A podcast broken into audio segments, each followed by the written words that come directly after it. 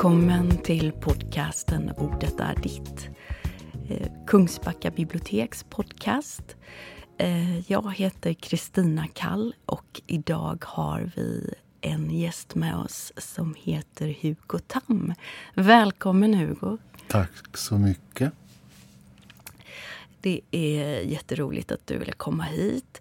Jag har funderat lite på hur skulle du presentera dig själv? Jag, jag vill ju presentera dig som dansare. För mig mm. är du Hugo, dansaren. Mm. Och det är jag ju egentligen. Men jag har ju lite annat också. Så jag brukar säga att jag är legitimerad artist. Legitimerad artist. Mm. Mm. och specialpedagog vid sidan av. Och eh, jag är också hästmassör. Det kände inte jag till. Hästmassör. Också legitimerad. Dessutom legitimerad. Dessutom legitimerad, ja. Mm, det är en rolig passus att ha i CVn. Det är ju, men det är ju, har du ridit mycket? Ja, det har jag. Framförallt så kommer jag från en hästfamilj med en eh, pappa som var väldigt duktig hästmänniska. Men det tog ett långt liv innan jag tog det steget. Det gjorde jag faktiskt för att få ett, ordentligt markerat avbrott från mitt sceniska arbete.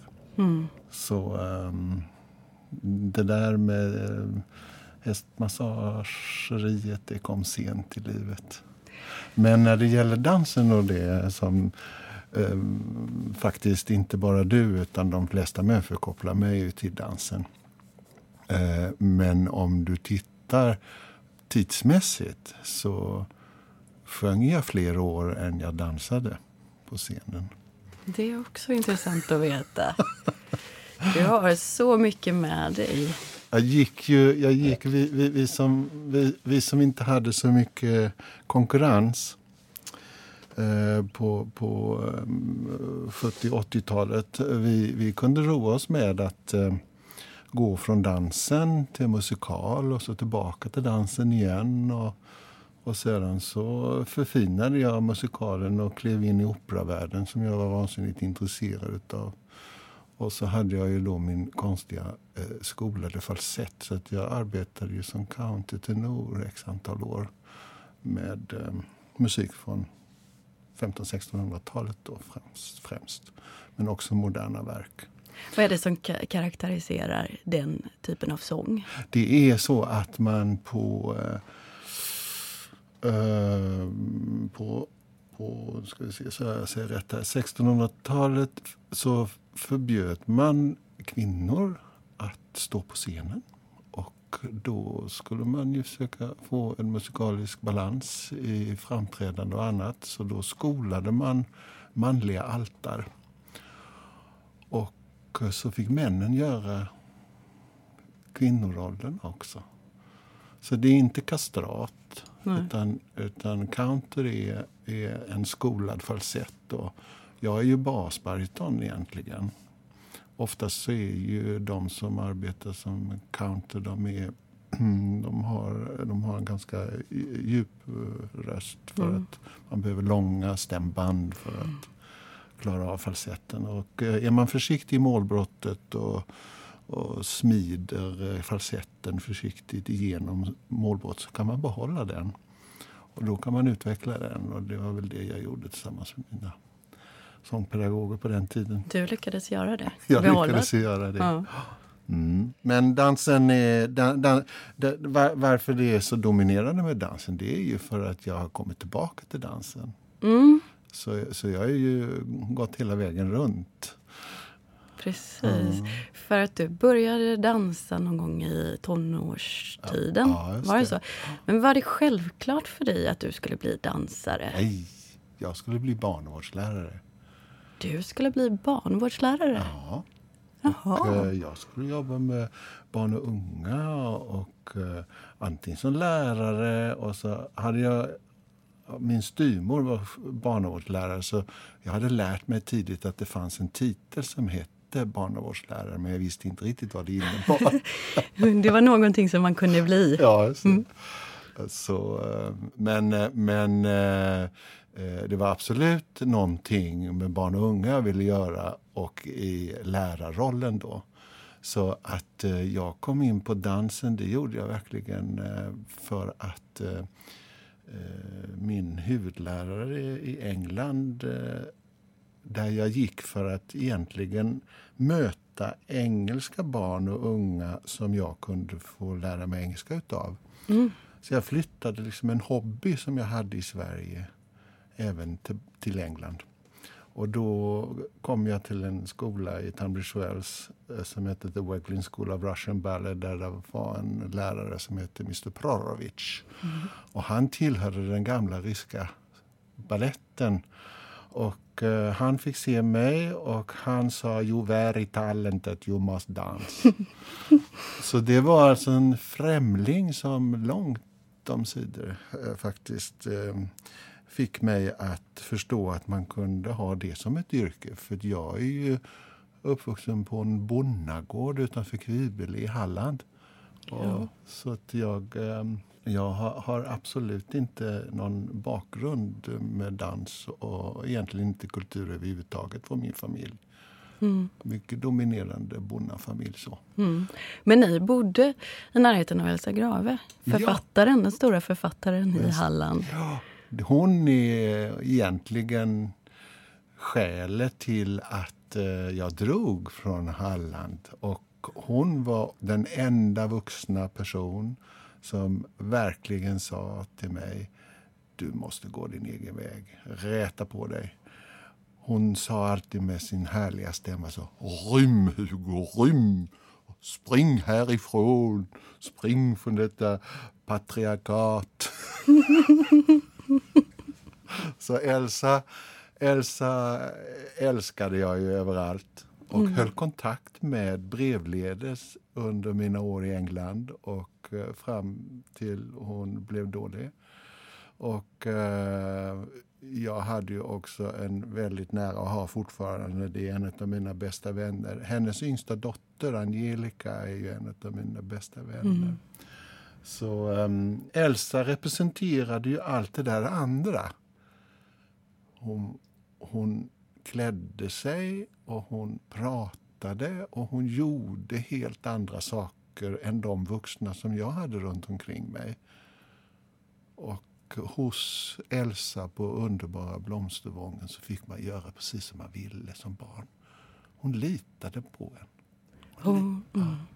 Förtroende. Hon, hon, hon, hon, utgick inte ifrån att det skulle hända nåt eller att, man inte, att man inte kunde lita på barn. Utan hon utgick ifrån att man kunde det. Och jag tror det var just därför det aldrig hände något. Mm. För vi var ju all over the place. Mm. Fullständigt livsfarligt. Mm. Men det var någon slags... Eh, jag tror man kände som barn den här fantastiska tilliten som hon hade till oss. Ja. Och, och uh, att man... Uh, framförallt att man också fick vara sig själv. En vuxen som pratade till en som en annan vuxen eller som en medmänniska. Ja.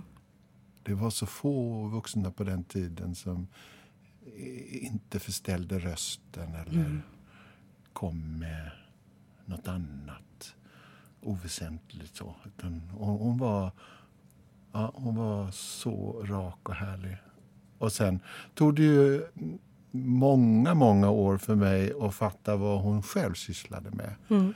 Och, och och glädjen att kliva in i hennes värld och hennes konstnärskap. Det, det har ju givit mig mycket på senare år.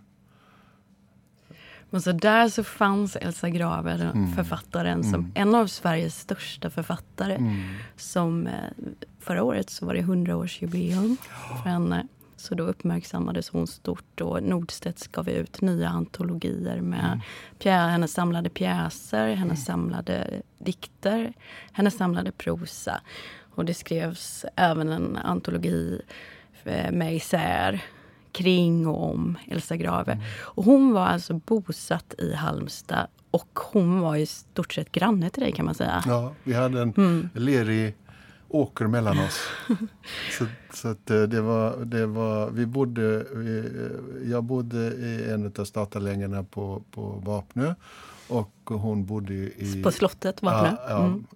jämte där, i en av längorna, arbetarbostäderna. Och eh, Elsa bodde på Blomstervången som var en, eh, och är fortfarande en liten delgård till Vapnö. Så mm. i själva Vapnödalen bodde vi. Och det är ju väldigt nära Halmstad. Mm. Det är väldigt ovanligt. Nu har vi eh, någon slags barn, eh, barnteater i, i närheten så det är nog de som kommer ut och låter lite härifrån. Ja. Men vi, vi fortsätter. Det var bara trevligt. Ja, det, det betyder trevligt. ju på att vi är, är på jorden. Ja, precis. Men då tänker jag på, för jag får en sån här bild, en fantastisk bild av hur du då, Hugo, mm. som barn mm. träder in där på mm. Blomstervången. Mm, Blomstervången, ja. Precis. Elsa ba bara det, bara det mm, namnet. Bara det namnet. Elsa Graves gård, eller mm. den som hon hyrde.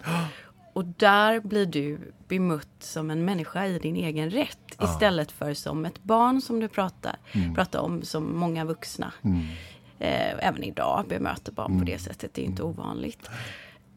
Och hon såg dig. Hon såg mig, definitivt. Definitivt. Och du kände dig sedd, lyssnad och såg hon också såg hon dansen?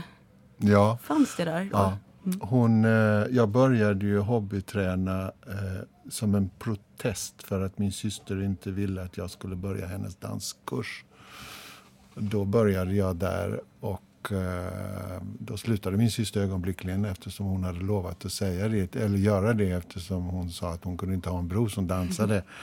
Och, eh, och, och, så blev man ju lite, eh, när man sticker ut hakan så där så blir man ju lite mobbad eller ganska så gravt mobbad.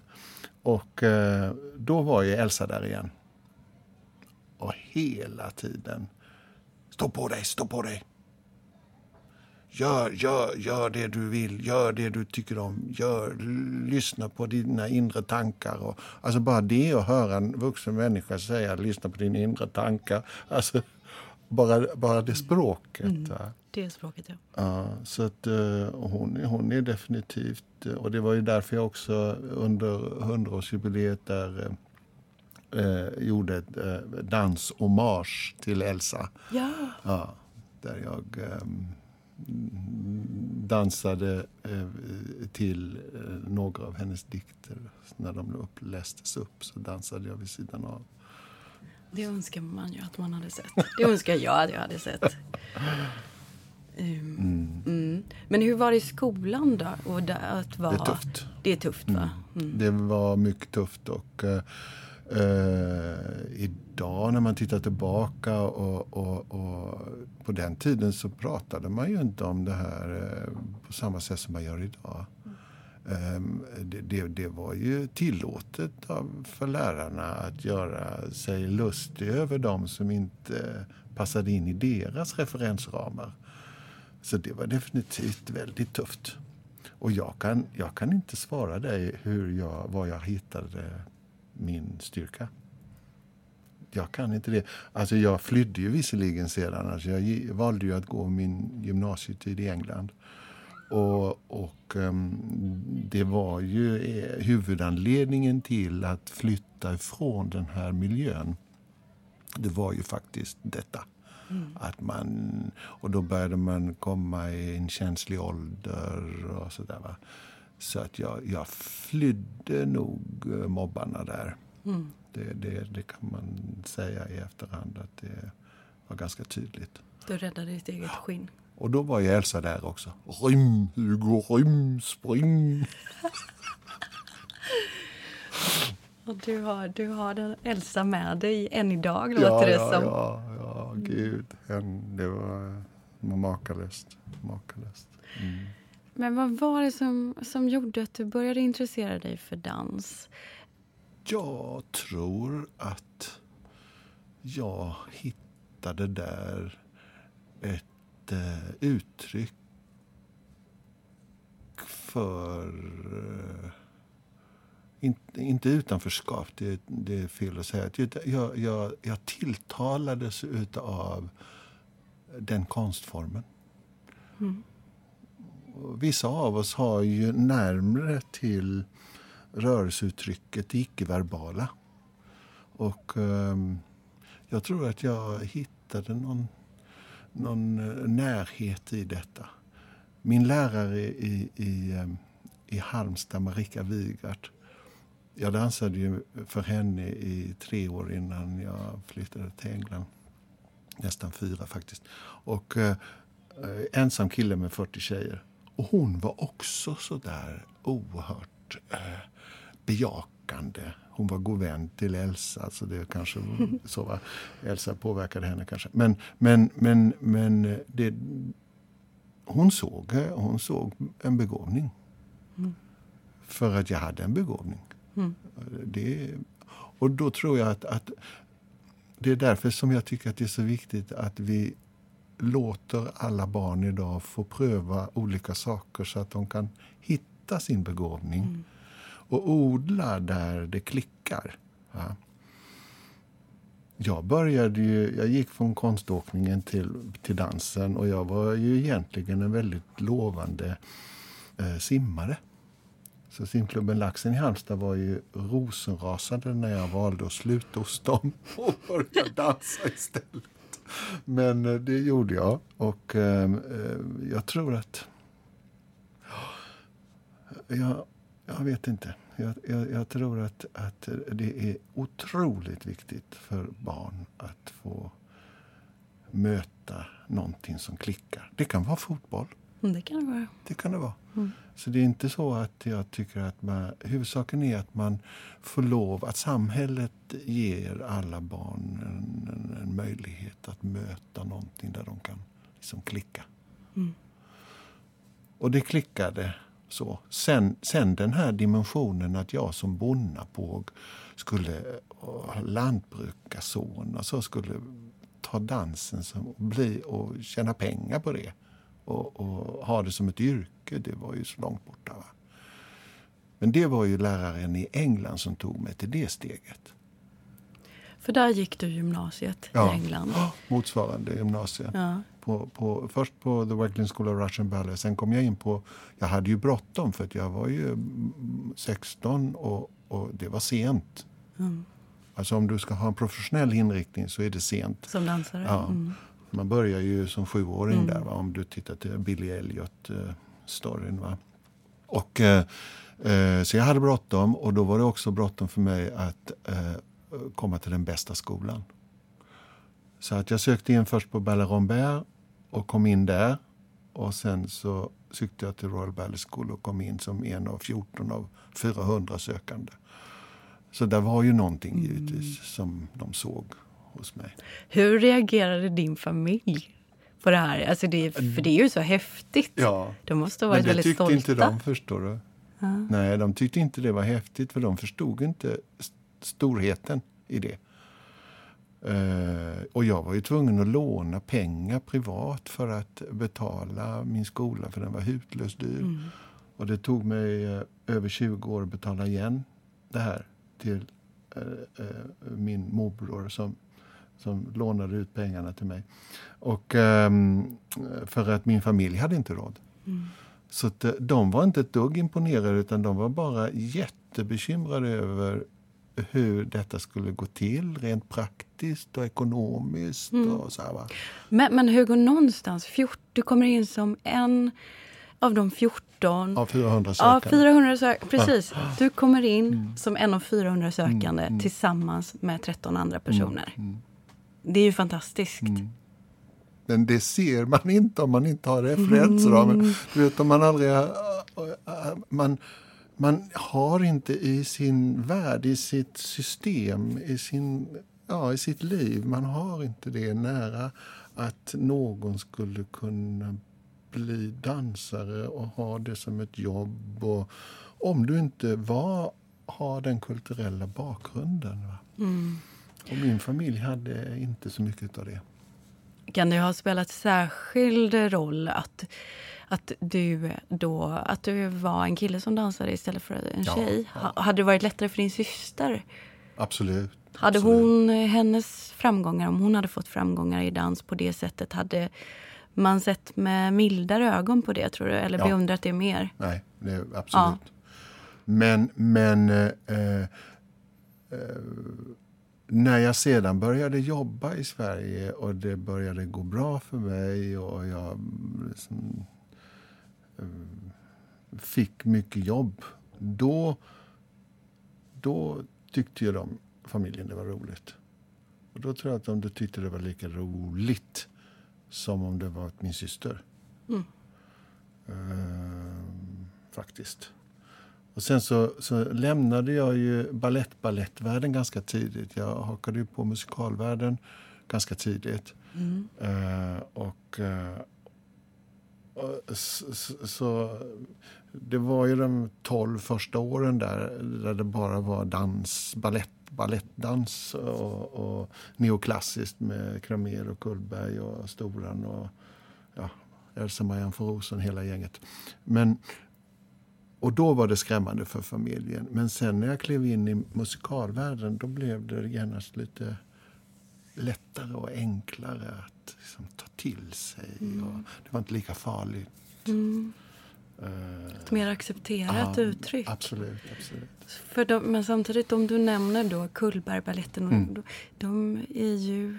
Det, det är ju det stora tecknet på att man har lyckats, eller hur? Att få dansa med dem. Ja, och, och, eh, och det är ju Stora Teatern och Oslooperan och, och Darmstadt och Koblenz och, och, och det Kungliga Köpenhamn och alla andra ställen Ja, som jag varit på. Så, så det, det är absolut så. Men då är vi tillbaka igen i det här som egentligen är ett, ytterligare ett intressant samtal. Och det är vilka referensramar man har och vad man har turen att skaffa sig av referensramar. Och då går jag ju till ett annat nära område som är nära dig också. Och det är ju barn och ungas möte med oss vuxna och våra referensramar. Vad händer med den ambitiösa läraren som låter alla barnen få komma och möta teaterföreställningen men som själv är helt marinerad i handboll och aldrig sett en teaterföreställning själv. Hur hanterar hon situationen med barnen? Frågetecken. Och så vidare. Så det, det är verkligen, det är verkligen utif- utifrån referensramar. Jag kan ju inte ha åsikter om vad min familj reagerade och icke reagerade på. För att jag, kunde ju, jag kan ju inte kräva att de kan få en referensram som bara på beställning. Så. En referensram som de inte har, men som du har eh, skaffat dig Ja. under ditt liv. Däremot så kan man, man kan kräva av en annan vuxen och kanske sin familj och nära så att de har ett öppet sinne och säger jaha, jag fattar inte ett dugg vad du gör och sysslar med men fortsätt du med det om du är glad och lycklig för det. Va? Det är ju när man kommer och tror att man har en per automatik eh, rätt att eh, lite hånfullt eh, förlöjliga ens val. Det är ju då det, är då det illa. Va? Så att, så att, ehm, och då har man ju mött alla varianterna. Jag kan tänka mig. Mm. Har man mött alla varianterna. Så då är det bara att försöka undvika att upprepa det själv. Och du jobbar med barn. Jag Har jobbar- jobbat med barn. har jobbat i 25 år med barn och unga. Jag, jag förstod ju ganska tidigt att, att eh, mitt frilansande behövde eh, någon slags säkerhet. Mm. En riktning kanske också. Ja, och eh, sen måste jag säga att jag var... Det räckte inte med de sceniska uppdragen. Jag ville något mer. Och eh, som jag sa till dig förut så på 80-talet om man var något sånär användbar och hade något sånär teknik och något sånär halvbegåvad så fick man väldigt många jobb för att det var inte så mycket konkurrens. Och då kunde man arbeta på kontrakt. Och då betyder det att man eh, repeterar i 8-10 veckor och sedan så är det premiär och sen så efter den premiären så jobbar man på kvällarna bara. Vilket betyder att man har hela dagarna på sig. Det där kom jag ju på. Så att eh, 1984 så läste jag in specialpedagogiken, specialiserade mig på småbarnsrörelseutveckling.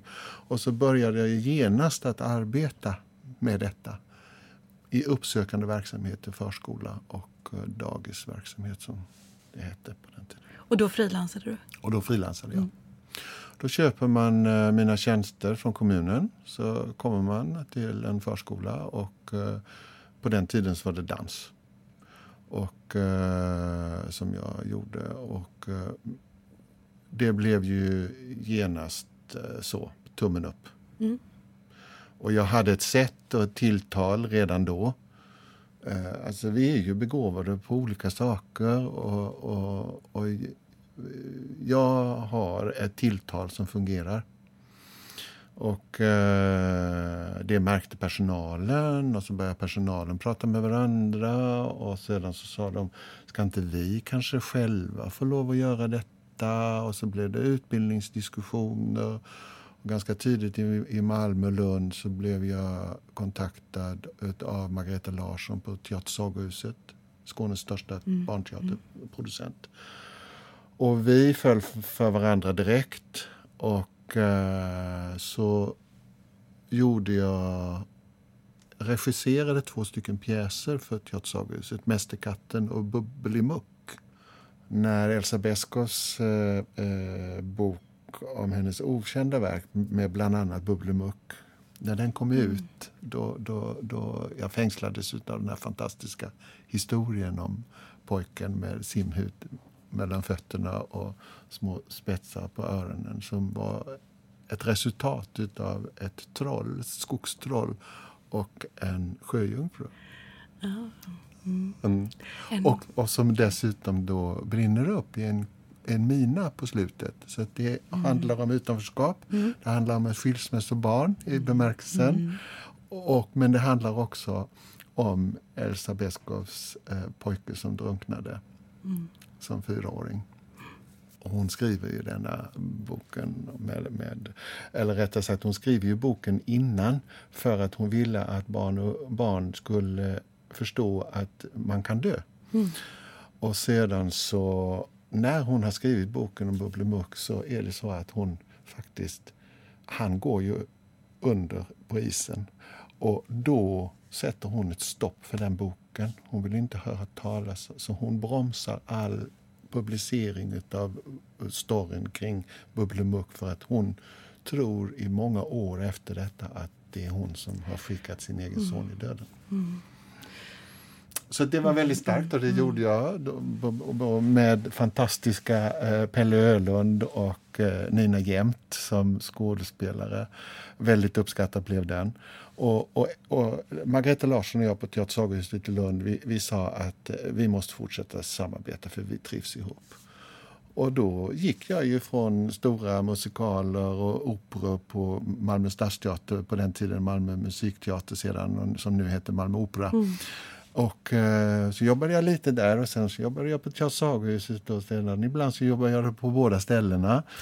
Och vad, vad Margareta och jag började med det var ju våra fortbildningsprogram för, för förskolepersonal och eh, låg och mellanstadielärare. Mm. Där vi då möttes i din värld. Alltså berätteriet mm. och boken och texten yes. och dansen och mm. rörelsen. Och vi jobbade som galningar med detta program för att det ville alla förskollärare ha det programmet. Där vi stimulerar dem och ger dem verktyg för att mm. fortsätta arbeta med barnen själva. Mm. När det gäller text och bild mm. och text och rörelse. Jätterolig tid. Jätterolig tid. Du har ju då inte bara ägnat dig åt dans utan du har ju en eh, du har ett stort intresse för andra konstformer också. Mm. Och man hör ju det när du berättar att du har hållit på både med ballett mm. och du har hållit på med musikal mm. och du har sjungit mm. på många olika sätt, mm. tror jag, i mm. många olika genrer. Och du utbildar dig till specialpedagog med inriktning på barn. Eh, det finns ett, ett sånt, eh, liksom en brunn av att ta av här. Och jag tänkte på det som du sa. Du sa att det räckte inte för dig med att ha föreställningar sådär som du höll på med, mm. utan du ville något mer. Ja. Kan du sätta ord på vad du tror att vad du ville? Ja, eh, jag kan faktiskt göra det. Och det är så att ja, det, det är något... Där kommer bonnapojken in. Där kommer bonnapojken in. Ja. Alltså, men herregud, det kan väl inte räcka att bara stå här och veva på scenen. Man måste göra något redigt också. Alltså även om jag inte förstod, eh, eller jag kunde inte sätta ord på det då. Men idag så kan jag ju, eftersom jag har ju ställt den här frågan till mig själv som du ställer till mig. Vad var det som gjorde? Och det var precis detta att jag jag upplevde inte... Men jag, alltså, jag, kan man bara, bara ha så här roligt? Visserligen kostar det ju, liksom, man vrider ut och in på sina känslor och sådär. Och, och, och, och alltså, artisteriet är inte liksom någon dans på rosor. Men, men det var någonting i det här som gjorde att jag kände att jag, må, jag, måste, jag måste göra någonting konkret också. Mm. Även om det, artistiska är det något av det mest konkreta mm. man kan göra. Särskilt när man dansar, ja. när man använder sin ja. egen kropp. Ja. Så, så, så, så, blev det, så blev det så att äh, måste, jag måste göra något riktigt också. Måste ha något riktigt i bakfickan. Någonting, någonting med någon nyttotanke där? Nyttotanke och lite trygg trygghetsvarning. Mm. Så. Mm. Uh, och sen när jag upptäckte att det gick att kombinera, då kunde jag inte sluta. Och sen så blev det ju så att jag jobbade ju mer och mer på dagarna och det blev färre och färre sceniska. Så att visserligen så jobbade jag ju heltid i 35 år. Va? över det. Eh, men 07 så klev jag av scenen på Göteborgsoperan. Och jag har till exempel inte stått på scenen sedan dess. Mm. Och saknar inte det. Du saknar inte det? Nej. Saknar inte det. Jag är, eh, tycker att jag har vevat färdigt. Det, det tycker inte så många andra. Men eh, jag har just nu inte någon sån där brinnande längtan tillbaka till det sceniska uttrycket. Jag skulle vilja göra det som du. Jag skulle vilja skriva. Du vill skriva? Åh, oh, vi kan prata. Vi kan ha en till. En till poddavsnitt. Det kan vi prata mer om. Jag tänker att jag tänker på det här som du säger med, med eller som, nu var det jag som sa det med nytta, men mm. det är det som du antyder, mm. att du kommer från landet, mm. du vill att folk ska på något sätt kanske också se att du gör nytta för andra. Mm. Även om dansandet och konsten är det, mm. men det är svårare att kanske legitimera för, för människor som inte är i det sammanhanget. Och jag kommer inte från den världen. Så att det var inte nära. Mm. Så det är ju mitt i prick. Va? Alltså det, det, är inte ointressant var man kommer ifrån och vad man har för bagage med sig. Alltså, eh, jag har ju en kompis, Maria Kulle till exempel. Jag menar, hon, hon har ju gjort upp. Hon är bonnatjej också. Alltså hon, vi, vi växte ju upp ihop på varsitt ställe på varsin sida om Halmstad. Och, och, men, men Maria hade ju sin pappa som var, han var ju liksom teatern personifierad. Så hennes val och att, att sen stanna bara där, det var ju fullständigt självklart för henne. Mm. För hon hade ju jag som, som eh, referensram. Ja. Medan för mig så... Jag hade inte någon teaterkonstnär runt omkring mig i min familj. Vilket gör att, att eh, jag, jag tror att jag absolut blev påverkad av det i mina senare val. Mm. Mm. För, för henne var inte, det var ju inget stort kliv där.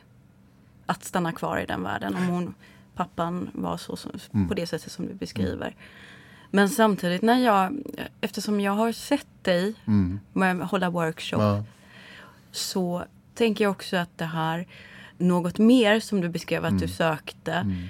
och som du har pratat om tidigare, du pratade om att du har ett tilltal som mm. funkar bra. Mm. Och det har jag också sett när du arbetar med... vet du vad det är? Det, det, det, det är, eh, det är eh, man trycker på proffsknappen. Alltså, eh, jag brukar avdramatisera det här med eh, eh, huruvida vissa män, man lyssnar på vissa människor, man ser vissa människor mer än andra. Eh, man säger att åh, vilken karismatisk människa. Och oftast refererar man till personen utifrån scenen, till exempel. Då är jag så tråkig, förstår du. Så jag menar att karisma handlar om att om jag har bestämt mig för att hålla en workshop med mina Parkinson-dansare och du kommer att titta på den, du råkar komma att titta på den vid ett tillfälle så är det inte så att jag trycker på någon extra knapp för att du är där. Utan jag har ju kommit, gått, kommit överens med mig själv långt innan. Det här vill jag göra. Det här tycker jag är kul. Och sen kanske jag dessutom är bra på det. Det betyder att när jag kommer in i det rummet, oavsett vad som har hänt innan, så trycker jag på proffsknappen och så ger jag långt över 100 procent under den timmen. Och det är det arbetet som du upplever som lite extra starkt. Alltså, så va? Att man, men jag menar att alla människor kan uppnå det. Men då måste du trycka på knappen. Mm. När du är på scenen så måste du vara där flera hundra procent.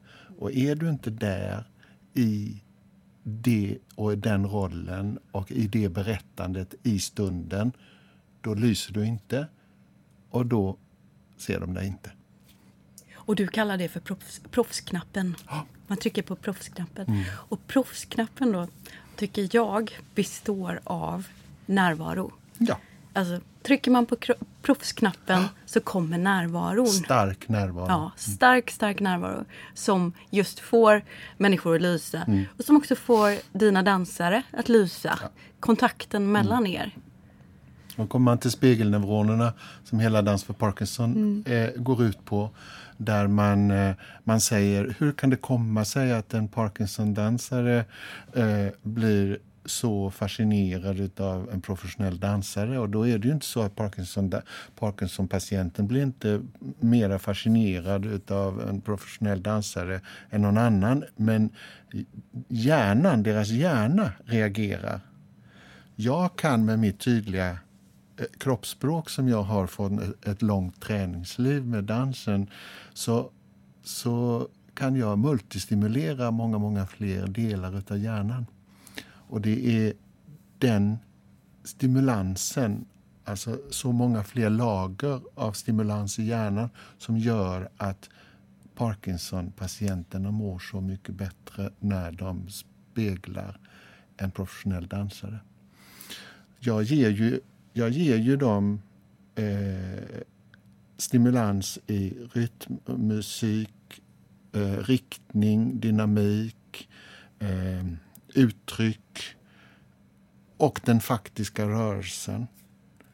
Eh, och det är, det är det som har gjort att just Dans för Parkinson har blivit så lyckad. Och nu visar det sig att det är flera eh, neurologiska sjukdomar som svarar väldigt väl mot dans om man vet mm. vad man sysslar med.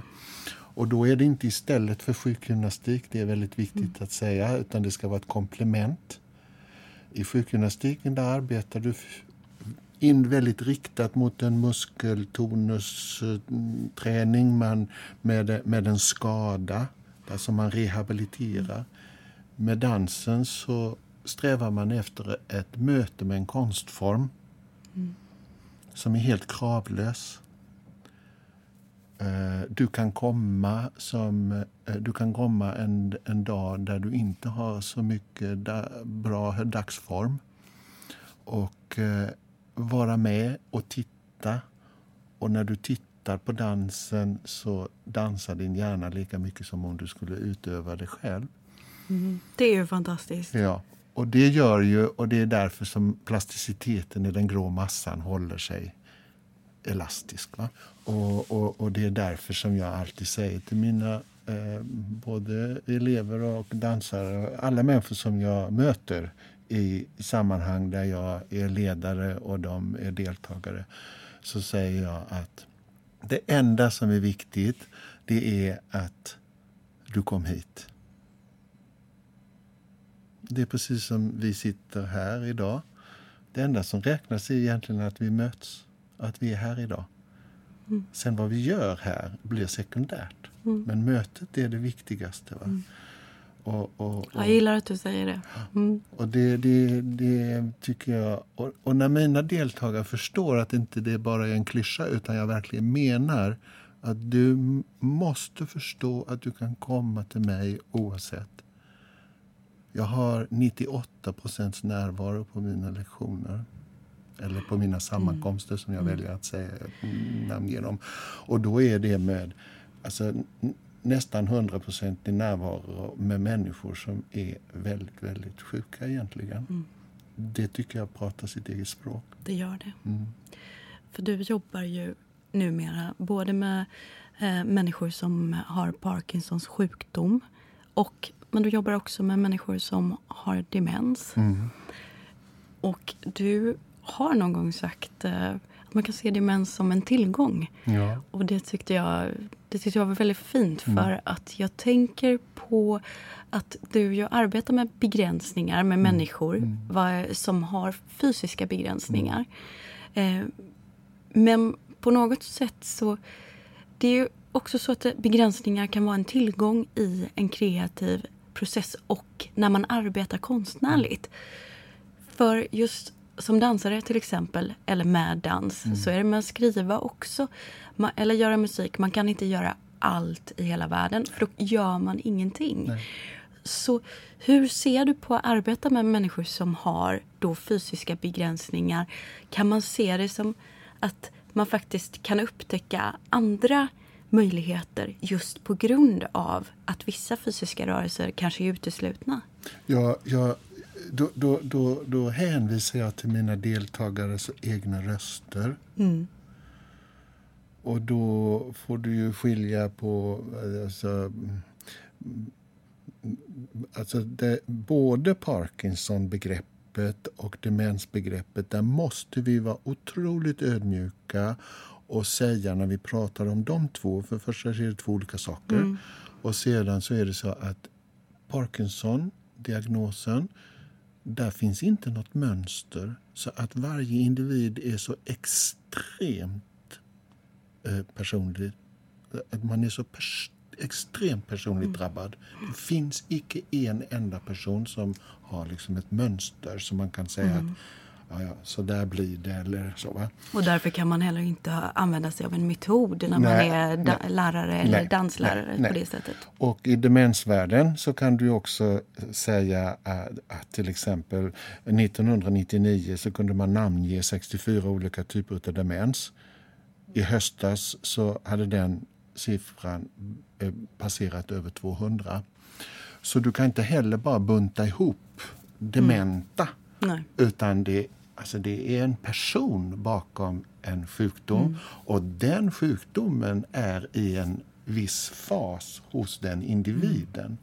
Men som svar på din fråga, men bara mm. vi ska ha den här mm. med oss i, Det är jätteviktigt ja, det, det som du säger. Jätteviktigt. Ja. Och, och, och, och, och då så går jag tillbaka till mina deltagare. Ja. Och så säger jag så här att eh, en eh, person med eh, Parkinson-diagnos eh, kan säga till mig att eh,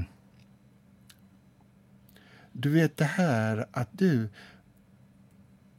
att du genom att jag försöker härma dig så visar du mig att jag kan göra saker som jag inte visste att jag kunde. Eller nu har jag fått ett större rörelseomfång. Jag är tillbaka i, i, i delar av mitt gamla rörelseomfång. Och du lurar mig till det genom dansen. Eh, sen kan vi gå till en person som då inte kan eh, uttrycka sig själv tydligt. Eh, då får jag då gå till personalen som känner individen väldigt väl. Och så säger personalen, men snälla vad har du gjort med min boende? Jag har inte sett henne le med hela ansiktet på flera år. Och då är det ju inte jag, utan då är det ju rörelserna som går förbi förnuft rakt mot känslosinnet i hjärnan och väcker delar som slumrar eller som mm, inte finns så mycket kvar utav. Och plötsligt så uppstår ett leende. En person med en sen variant av demens och inte pratat på tre år kommer efter åtta danssammankomster med mig fram till mig och så säger hon Gud vad svettig du är. Då är det alltså en konkret, relevant reflektion mm. hos en person som inte sagt någonting på tre år. Mm. Hur är det möjligt? Mm. Och då är jag ju, nu är det ju så att jag är inte den enda som har upplevt det här. Så forskningen har ju också sett mm. detta.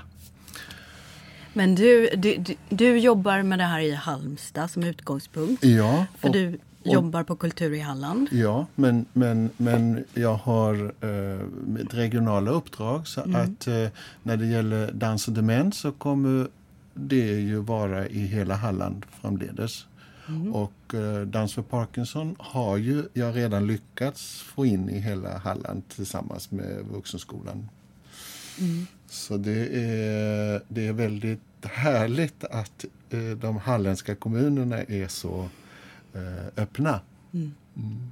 Men du är också runt om i Sverige och ja. föreläser och håller ja. workshop. Ja. Du var ganska nyligen på Norrlandsoperan, eller hur? Um, mm. Är det några andra, andra ställen i, i Sverige som jobbar med på, på ett liknande sätt som du? Ja, då har vi Jönköping. Mm. Region Jönköping är lysande mm. med sitt samarbete. Stockholms läns landsting, Nacka kommun har kommit väldigt, väldigt långt. Uh, delar av Västra Götaland har kommit en bra bit. Mm.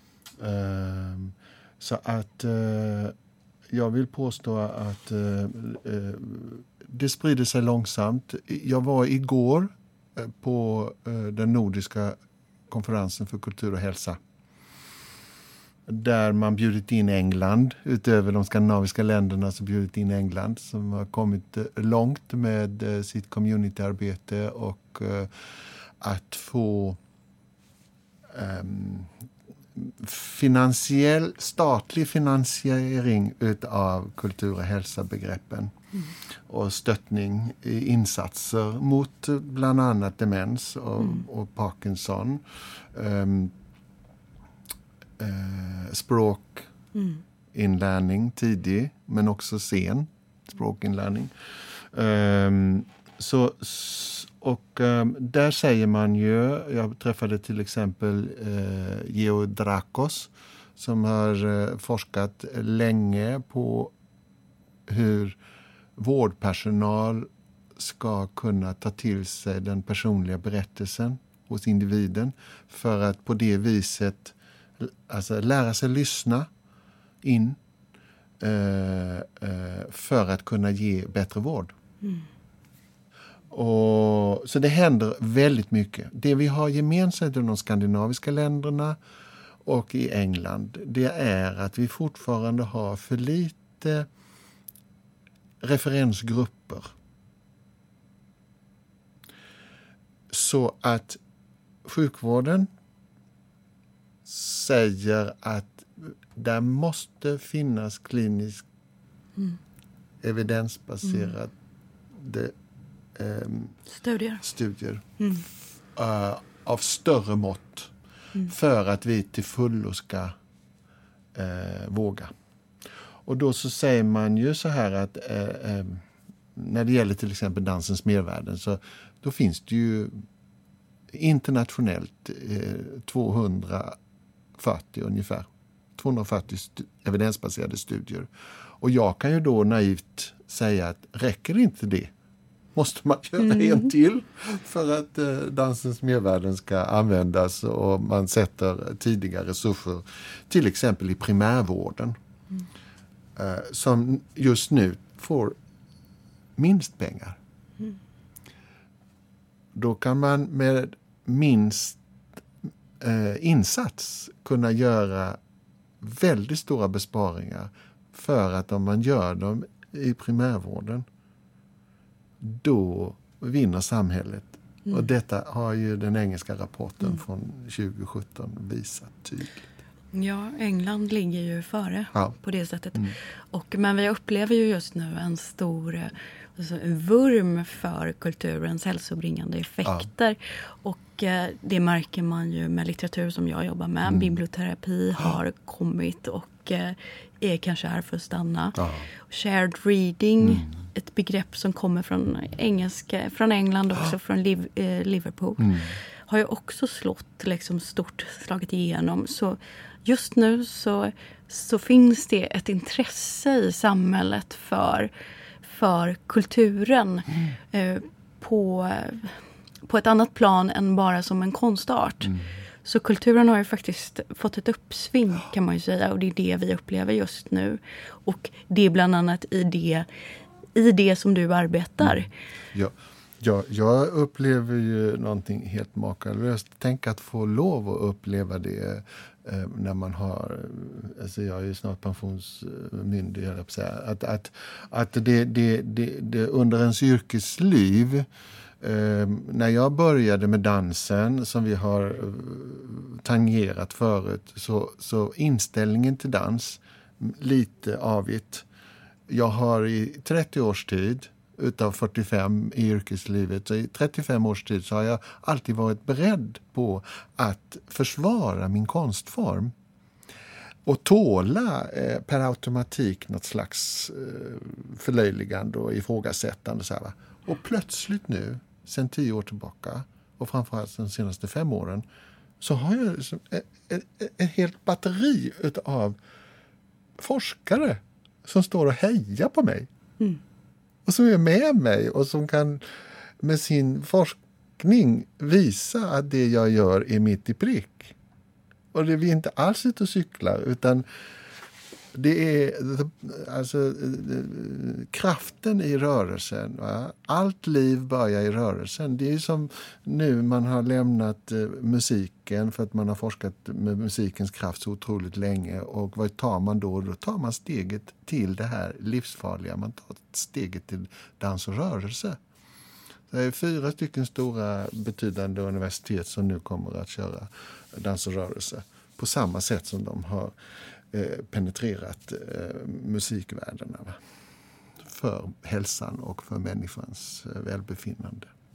Det är fantastiskt att se det här som håller på att hända nu och som, som faktiskt händer. Men vad har du för tips om man till exempel sitter och lyssnar på den här podcasten och skulle vilja dansa? Mm. Eh, med, eh, på det sättet som du beskriver, eller i dina grupper. Eller om man har någon i sin närhet som man tror skulle tycka om att vara med på det här. Hur går man tillväga? Då är det så här att eh, just nu så är vi inte så många som är utbildade i metoden. Och man, värdet utav att det just är professionella dansare i det här fallet, alltså på samma sätt som värdet utav att det är en verksam författare, alltså som verkligen är författare i den bemärkelsen. Eh, värdet utav den personen som håller i en skrivarkurs, det är samma värde här. Det ger en dimension. Så just nu så är vi inte så våldsamt många professionella dansare som kan arbeta på det här viset. Men däremot så håller vi på att utbilda x antal. Eh, vi har ju de senaste två åren eh, fått ihop över 20 stycken professionella dansare som har fått metoden mot eh, Parkinson. Och jag jobbar väldigt hårt med att få ut dans och demensbegreppet. Och om man då ehm, inte tappa bort professionalismen men vad gör man emellan nedslagen från en professionell dansare på ett boende? Då kan man göra väldigt mycket och då måste man utbilda personalen. Och när det gäller Halland så är, det, så är Falkenberg längst gånget i det. Mm. Där har de utbildat eh, x antalet av sin vårdpersonal i detta. Så ehm, just i Falkenberg där vet jag att man är väldigt positiv hur man kan använda dans som verktyg. Mm.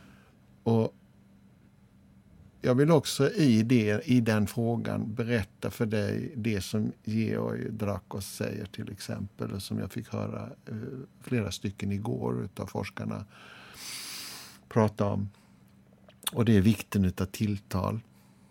Då är vi tillbaka där igen. Ja. Alltså personen och vikten av tilltalet. Och Det är också det som, som dansen delar med litteraturen mm. och skriften. Mm. Mm. Och, och då, då kan du inte då kan du inte hoppa över den biten. Och då menar jag, oj då, hur gör vi då? Men vi kan ju inte kräva att alla ska vara intresserade av det här. Nej, men där är alltid någon eller några och det är dem som vi ska vara rädda om. Det är de som ska få lov att i sin tjänst ha en öron, eh, eh, en bestämd tid, öronmärkt tid till detta. För att de har ett personligt intresse av det. Jag märker ju sån skillnad på dem, eh, den vårdpersonal som har ett personligt intresse och de som bara är nyfikna. Uh, och de som är inte är intresserade alls. Där jag och då istället får lägga all kraft på att de ändrar sin attityd. Mm. Mm. Men med nyfikenhet kan det komma ett personligt intresse. Ja. Så nyfikenhet är ju också ja. en bra startpunkt. Ja, mm. mm. Men det handlar helt enkelt mycket om eh, vilka som, eh, vilka som ska utbildas i de här metoderna? Jag kan säga, jag kan vara så här krass, för det ska vi ju vara. Jag kan säga att allting hänger på vilken verksamhetsledare du har. Mm. Och verksamhetschef. Mm. För att jag ser ju skillnaden. Vilka är det som ringer? Vilka är det som tar initiativen? Det är ju intresserade verksamhetschefer som förstår att nu kan vi fortsätta och bli bättre. Mm. Arbeta på ett annat sätt. Eh, lägga till den här delen. Prata om, stötta varandra i till exempel tiden det tar för en person att berätta sin historia. När tar du dig den tiden? vad är konsekvensen av om man i systemet låter bli att städa så jävla mycket och istället låter en person berätta sin historia för dig? Låt bli att damma en dag. Sätt dig och, och hör personen. Låt personen få fram sin historia. Så att du kan vårda den personen bättre i nästa steg. Och de verksamhetschefer som vågar ta det steget och säger till personalen, så nu slutar vi damma. Nu ska vi lyssna istället. Ja, de har ju också fått ögonblickliga resultat. Det finns det ju böcker att läsa om nu. Där man eh, har fått bättre sömnresultat, minskad medicinering när det gäller den typen av ångestladdat och eh, sömnproblematik framför allt. Va? Ja. Och ingen dog av lite damm.